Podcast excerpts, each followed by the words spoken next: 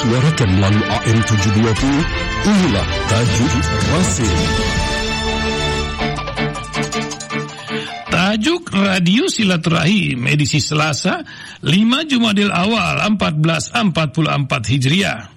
Bertepatan dengan 29 November 2022 diberi judul Ketika Parpol Merampok Hak Demokrasi sebuah tulisan Imam Samsi Ali dalam dunia demokrasi warga negara menjadi rujukan kekuasaan Tentu dalam spirit Islam Tuhanlah sebagai penguasa masyarakat, people, yang menjadi rujukan tertinggi.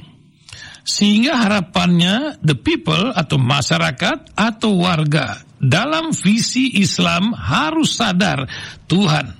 Hanya dengan demikian masyarakat dapat dikategorikan sebagai wakil Tuhan di bumi. Tapi Terlepas dari idealisme demokrasi yang berketuhanan dengan spirit Islam, itu memang dalam konsep demokrasi masyarakatlah yang sesungguhnya menjadi rujukan kekuasaan. Istilah klasiknya dari, oleh, dan untuk masyarakat yang menjadi masalah memang bagaimana sistem perpolitikan yang lain, termasuk yang berbasis agama sekalipun kerap kali sistem dipermainkan oleh ragam tendensi kepentingan oleh mereka yang punya kepentingan tertentu. Sehingga idealisme demokrasi kerap dirampok dan terdegradasi di titik terendah. Berbagai upaya dilakukan atau dimanipulasi untuk melemahkan nilai demokrasi. Dan lebih jahat lagi bahwa semua dilakukan juga atas nama demokrasi. Sehingga berbagai kejahatan dan manipulasi itu seolah justified, dibenarkan secara konstitusional. Pada akhirnya melahirkan apa yang pernah saya sebut constitutional crime. Kejahatan yang bisa dibenarkan secara hukum Fakta ini mengingatkan saya tentang suatu hal yang Dr. Anies Baswedan sampaikan di acara kami tiga hari lalu. Beliau menyampaikan bahwa kebijakan publik itu perlu etika dan inovasi. Karena tanpa etika akan ada kebijakan-kebijakan publik yang mungkin saja secara hukum benar, tapi secara etika dan moral menginjak-injak kebenaran hati nurani. Partai-partai politik dalam tatanan demokrasi sesungguhnya sekedar menjadi jembatan bagi ekspresi kedaulatan pemangku kekuatan tertinggi rakyat. Karenanya, di negara-negara maju, Amerika Serikat misalnya, petinggi-petinggi partai politik tidak memiliki peranan yang menentukan. Hampir chairperson atau ketua dari dua partai besar Amerika, Demokrat dan Republikan, tidak dikenal. Hal ini sangat berbeda dengan banyak negara, termasuk Indonesia di mana partai-partai politik bahkan petinggi-petinggi partai lah yang lebih dominan dalam menentukan arah perjalanan demokrasi dan kebijakan publik. Akibatnya, petinggi negeri yang terpilih harus rela menjadi pekerja politik yang tidak jarang terkungkung oleh arah kemauan bos partai pengusung. Salah satu dilema terbesar perpolitikan dan demokrasi di Indonesia adalah persyaratan seorang calon posisi publik, baik di eksekutif maupun legislatif, yang secara dominan ditentukan oleh partai politik.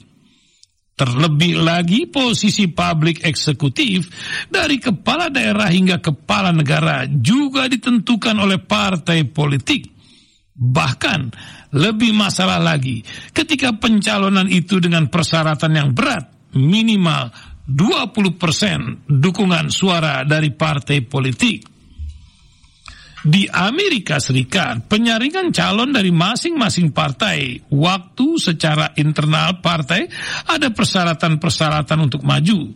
Tapi pada akhirnya ketentuan itu ada di tangan pemilih rakyatnya sehingga proses pemilihan calon dari partai melibatkan pilihan rakyat. Bahkan jika calon tidak lolos dalam pemilihan seleksi pencalonan yang bersangkutan sah saja maju sebagai calon independen jika memiliki dukungan dalam bentuk petisi dari masyarakat.